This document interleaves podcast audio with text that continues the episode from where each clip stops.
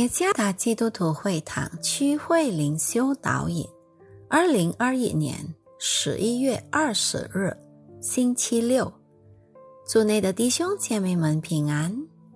今天的灵修导引，我们将会借着圣经罗马书十二章第一到第二节来思想今天的主题：我的生活作为最完美的奉献。作者万必恩传道，罗马书第十二章第一节。所以弟兄们，我以神的慈悲劝你们，将身体献上，当作活祭，是圣洁的，是神所喜悦的。你们如此侍奉，乃是理所当然的。不要效法这个世界。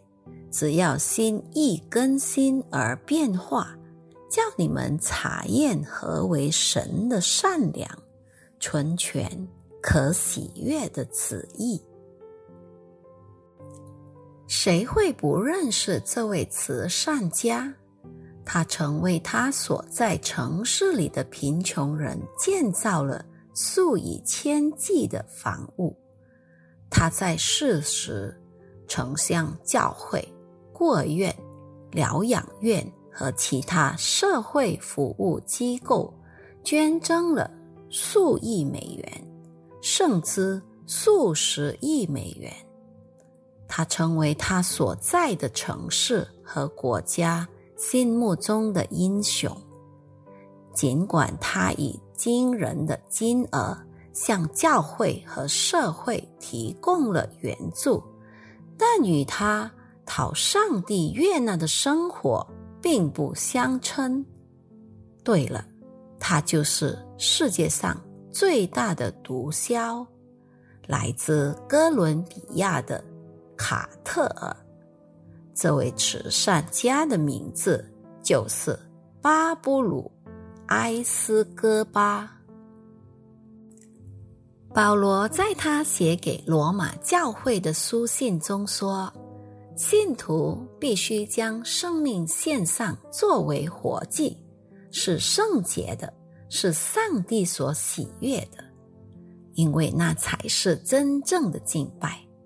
信徒不配得向上帝献上数不胜数的奉献，但他们的生活却与巴布鲁一样灰暗。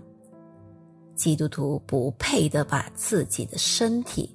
致死献上当作凡祭，因为上帝所悦纳的，则是按照他的旨意生活。就算这个世界对奉献与上帝有错误的看法，但信徒是不应该这样的。诗人以掩饰罪恶或贿赂上帝而向上帝献祭。向上帝行贿，以便上帝宽恕他们所有的罪孽和罪行。其实，真正的奉献，就是把今生的一切全然交托于上帝。这就是一种愿意通过我们心意更新而变化的生活。以便我们能查验何为上帝的良善、纯全、可喜悦的旨意。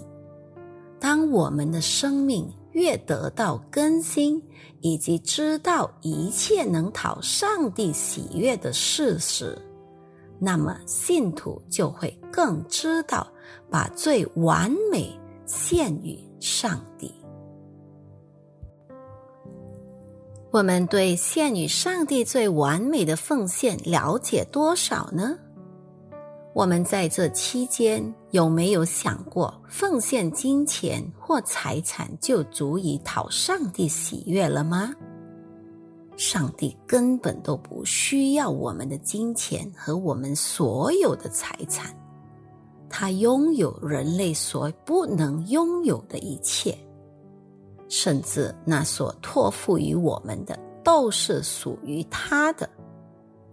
愿透过今天的默想，我们将进一步的来更新我们在基督里的生活方式，成为对上帝完美的奉献，让我们的生命成为他馨香的祭物，以及讨他喜悦。